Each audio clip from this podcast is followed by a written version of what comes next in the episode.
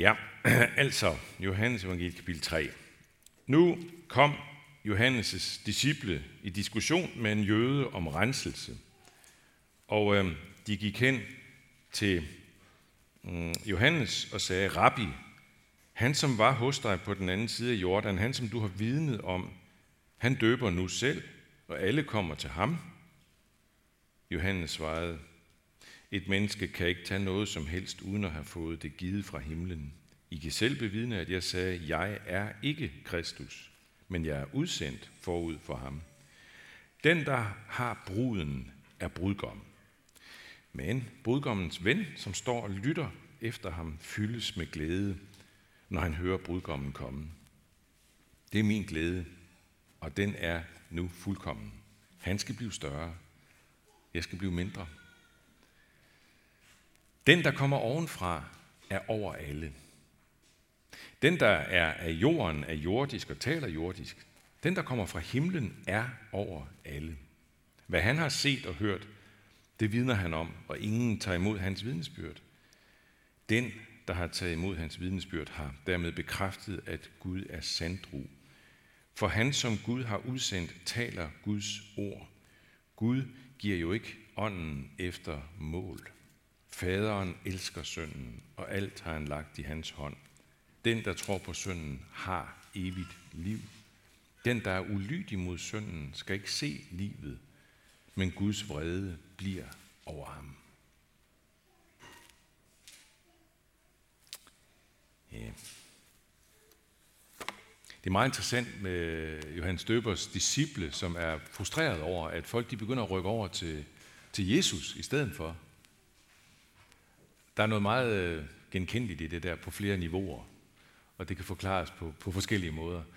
Jeg tror, at en af forklaringerne er, at det handler om noget, som menneskeheden altid har haft med sig, nemlig idoldyrkelse. Det er noget, man kan finde igennem hele menneskehedens historie.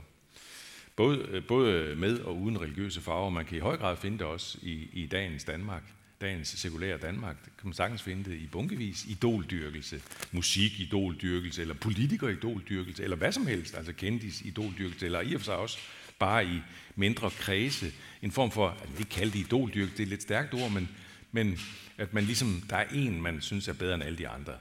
Sådan noget der, ikke? Og også i kristen sammenhæng kan man finde det op igennem hele historien.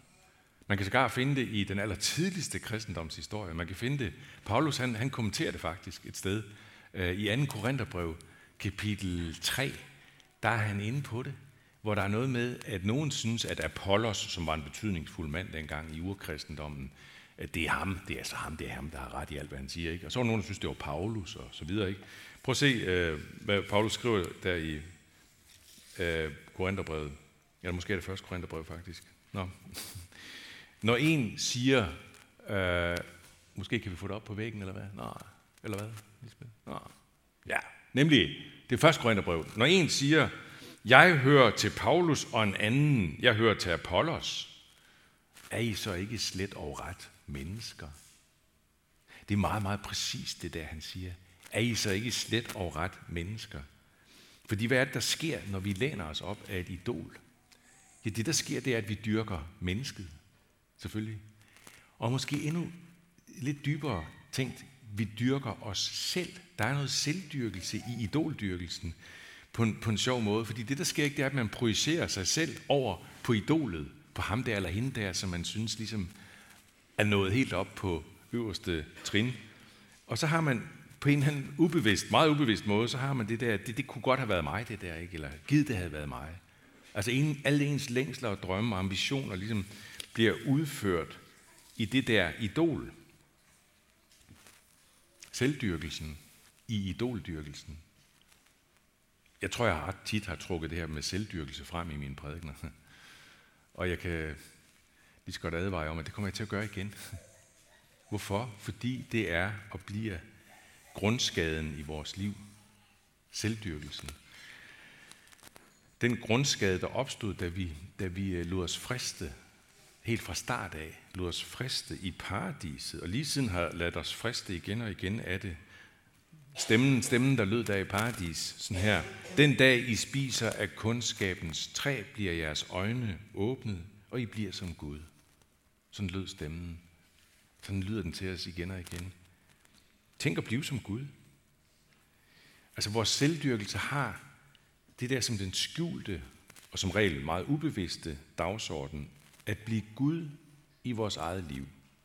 At indtage tronstolen, få beundringen og æren, om ikke fra hele menneskeheden, om ikke fra hele salen, om ikke sådan fra den store kreds, så i hvert fald bare fra, fra den lille kreds, altså fra ens studievenner, eller bare venner, eller kollegaer, eller familie, eller et eller andet, at man der kan opleve, at man bliver beundret og anerkendt og ophøjet i en eller anden forstand. Selvophøjelsen, selvfremhævelsen, at blive anerkendt, at blive set og beundret, det er en af de allerstærkeste drivkræfter i vores allesammens liv.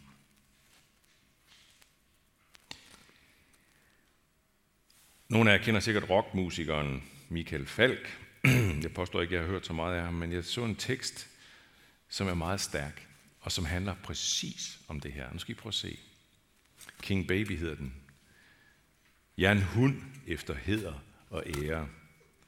Og en hund er måske mildt sagt. Jeg er som en vareulv, når jeg vejer en chance for at stjæle mig til pomp og pragt. Jeg har en højt udviklet sans for at spotte de mest egnede steder at stå. Så når søgelyset rammer manesien, er det mig, man får øje på. Jeg er ekspert i at pusse min glorie på en tyk bund af dobbeltmoral. Jeg har en gudbenået evne til at fake, uden at røbe mit massive pral. King baby, king baby, se mig, elsk mig og lad mig så være. King baby, king baby, jeg er en hund efter heder og ære. Det er meget skarpt af Michael Falk. Som i øvrigt også, parentes bemærket, er begyndt at få blik for, for Jesus. Johannes Døberen, han var stor i sin samtid. Der er en øh, jødisk forfatter og historiker fra det første århundrede, altså samtidig med at Nye Testamentet bliver skrevet, så skriver han nogle meget, meget, meget vigtige ting, som er blevet sådan en afgørende kilde for at forstå især det jødiske folks historie i gennem antikken. Josefus hedder han. Josefus. Øh, han nævner Johannes Døber ganske meget. Han nævner Jesus nogle få steder kort. Johannes Døber, han får, han får altså meget omtale der. Han blev virkelig betragtet som en stor profetskikkelse i, af mange der i samtiden. Johannes Døberen lægger det fuldstændig fra sig. Han siger sådan her i dag, brudgommens ven, som står og lytter efter ham, fyldes med glæde, når han hører brudgommen komme. Det er min glæde, og den er nu fuldkommen. Han skal blive større, jeg skal blive mindre. Det er det, han siger til sine disciple, der kommer der og siger, hvorfor går de alle sammen hen til Jesus? Hvorfor kommer de ikke til dig? Han skal blive større, jeg skal blive mindre. Og lige om lidt, ikke, så skal vi fejre brudgommens, der, der kom. Vi skal fejre den store. Vi skal fejre den ubegribeligt store. Den evige, almægtige Gud og skaber. Hvor stor er han? Det fatter vi ikke. Hvis vi kigger bare på hans skaberværk, det kunne jo være en måde at finde ud af det på, ikke? Ja, så kan de allerstørste naturvidenskabsfolk, de vil kunne bekræfte, at det kan vi ikke gennemskue, hvor stort dette univers er. Det har de nogle idéer om, men at kunne gennemskue det hele og fuldstændig lægge det ned på et ark papir, det er, vi, vi forstår kun en lille brøkdel af universets storhed. Hvordan i alverden skal vi for så forstå skaberen bag det? Det er sådan, som der står i et sted i Nye Testamente. Han, den eneste, som har udødelighed i sig og bor i et utilgængeligt lys, som intet menneske har set eller kan se. Sådan står det i 1. Timotius brev. Han skal blive større, jeg skal blive mindre. Men nu kommer det mærkeligste. Det største faktisk, på en lidt bagvendt måde. Og det er, at han, den ubegribeligt store, han gjorde sig ubegribeligt lille. Han trådte ind i sit eget skaberværk i skikkelse af en lille nyfødt baby. Og det skal vi fejre. Altså, ham som Johannes døber taler om, som det, der skal blive større end ham selv, han gjorde sig mindre end Johannes døberen og alle os andre og han gjorde sig mindre og mindre. Fordi selvom han opnåede Øh, stor folkepopularitet, sådan hen i voksenalderen, det gjorde han jo, så fortsatte han alligevel sin vej mod det allerlaveste punkt, nemlig korsfæstelsen. Nederlaget, den pinagtige død. Øh, nogle af jer kender måske navnet Svend Havsten Mikkelsen, en maler, øh, som var meget, han er død for flere år siden, men han har lavet skønne malerier. Hvis nogen af jer har lyst til at se nogle meget fine øh, alterbilledmaleri, så kan I gå op i Markuskirken op øh, på Langelandsgade. Markuskirken. Øh, der hænger alterbilledet, som han har lavet. Nå, men han har lavet flere variationer af billedet øh, med Jesus i krybben, der i stallen. Ikke?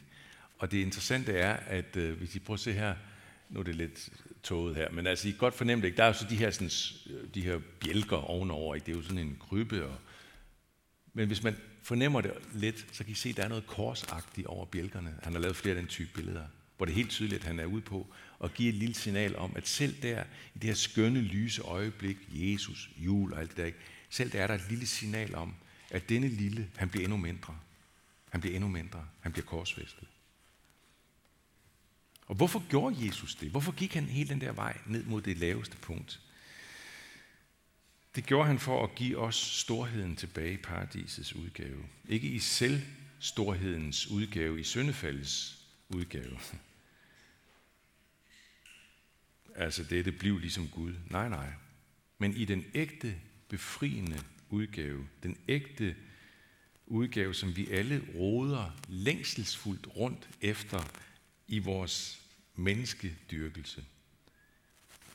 Fordi det er jo også på spil i al vores selvoptagethed, vores ønsker om beundring og anerkendelse. Hvad er det, der også er på spil der? Ja, der er det på spil, at der er en dyb længsel i os efter vores skabers anerkendelse og ophøjelse af os. Vi længes efter at vende tilbage til ham, der anerkendte og ophøjede og elskede de første mennesker. Det ligger også i vores menneskedyrkelse. Og vi vil så gerne have det der igen.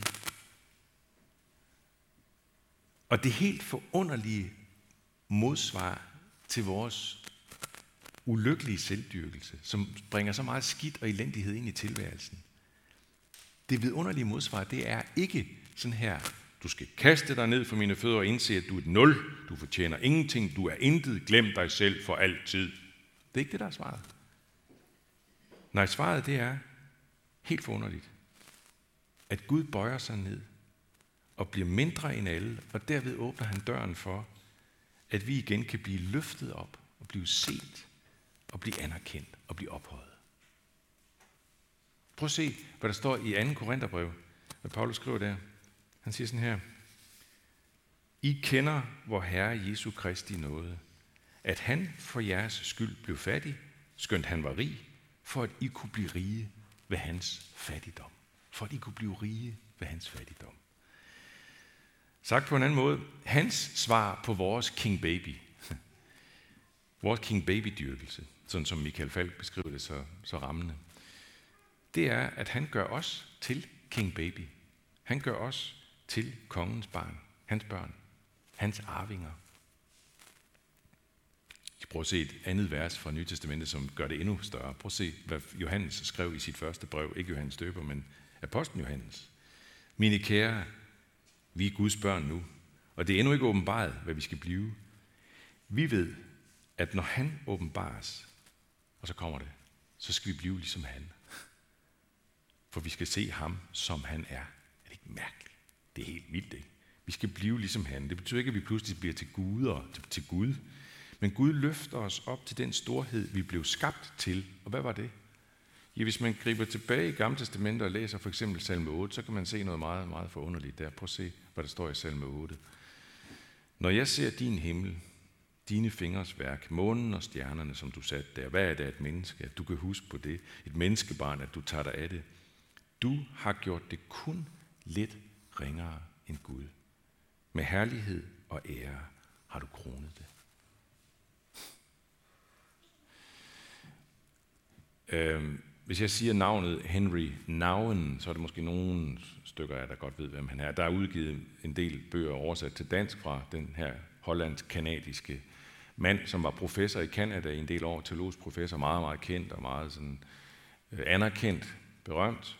De sidste 10 år af hans liv, der valgte han at flytte hen i et, øh, en institution, hvor der boede nogle psykisk handicappede. Det havde han brug for, bare bo sammen med dem. Og når han sådan holdt foredrag de sidste 10 år, så tog han altid en af dem med sig op på, på stolen, eller på, der hvor han stod ikke og holdt foredrag. Det havde han bare brug for det der. Han, øh, han skriver i, i, i sin skønne bog, som hedder Den fortabte søn, om, om lignelsen om den fortabte søn, der skriver han noget, som I lige skal se. Jeg betragtede længe det at have lavt selvværd som en slags dyd. Jeg var så mange gange blevet advaret mod stolthed og selvgodhed, at jeg betragtede det som noget godt at nedvurdere sig selv.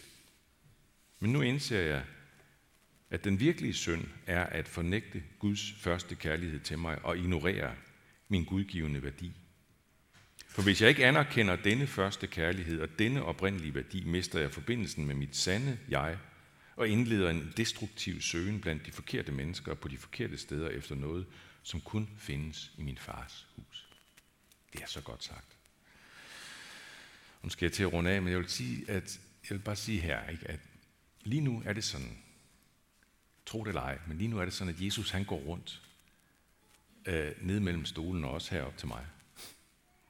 Usynlig, selvfølgelig. Så prikker han os på skulderen. Han har ikke corona, så vi behøver ikke være bange. Han prikker os på skulderen. Og så siger han til os, kom nu, kom ud af dit selvophøjelses, din selvophøjelses skal, dit selfie hylster. Kom ud i det fri. Bliv frisat ved at sige og gøre som Johannes døber, nemlig han skal blive større, jeg skal blive mindre. Opgiv selvophøjelsen og modtag min ophøjelse af dig. Nøjes med at være et menneske, og lad mig være Gud. Nøjes med at være baby, så vil jeg gøre dig til king baby. Hvordan gør vi det? Bare for nu lige at blive lidt lavpraktisk til sidst. I at give plads til en daglig Jesus ophøjelse. Det vil jeg sige. Det tror jeg en del af jer har allerede god rutine for, men, men hvis ikke I har det, så gør det. Det behøver ikke være lang tid. Giv fire minutter, tre minutter til en daglig ophøjelse af Jesus, hvor du siger til ham, du er den største. Nogle ord til Jesus hver dag. Og så lad det få konsekvenser igen og igen for dit forhold til andre mennesker. Sådan som Paulus siger det meget jævnt og lige til i Filipperbrevet. Prøv at se, hvad han siger, så, så jævnt og lige til. Gør intet af selv, selviskhed, og heller ikke af indbilskhed, men sæt i ydmyghed de andre højere end jer selv. Tænk ikke hver især på jeres eget, men tænk alle også på de andres vel. Og hvad er det lige, Paulus begrunder det der med? Ja, det gør han med præcis det, som jeg nu har været en del inde på. Prøv at se, hvad det er, og så slutter vi med det. Det er nemlig næste sætning, der kommer der, hvor han siger sådan her, I skal have det sind over for hinanden, som var i Kristus Jesus. Han, som havde Guds skikkelse, regnede det ikke for et rov at være lige med Gud, men gav afkald på det, tog en tjeners skikkelse på og blev mennesker lige. Det er det, vi skal fejre nu her om nogle få dage. Lov, tak og evig ære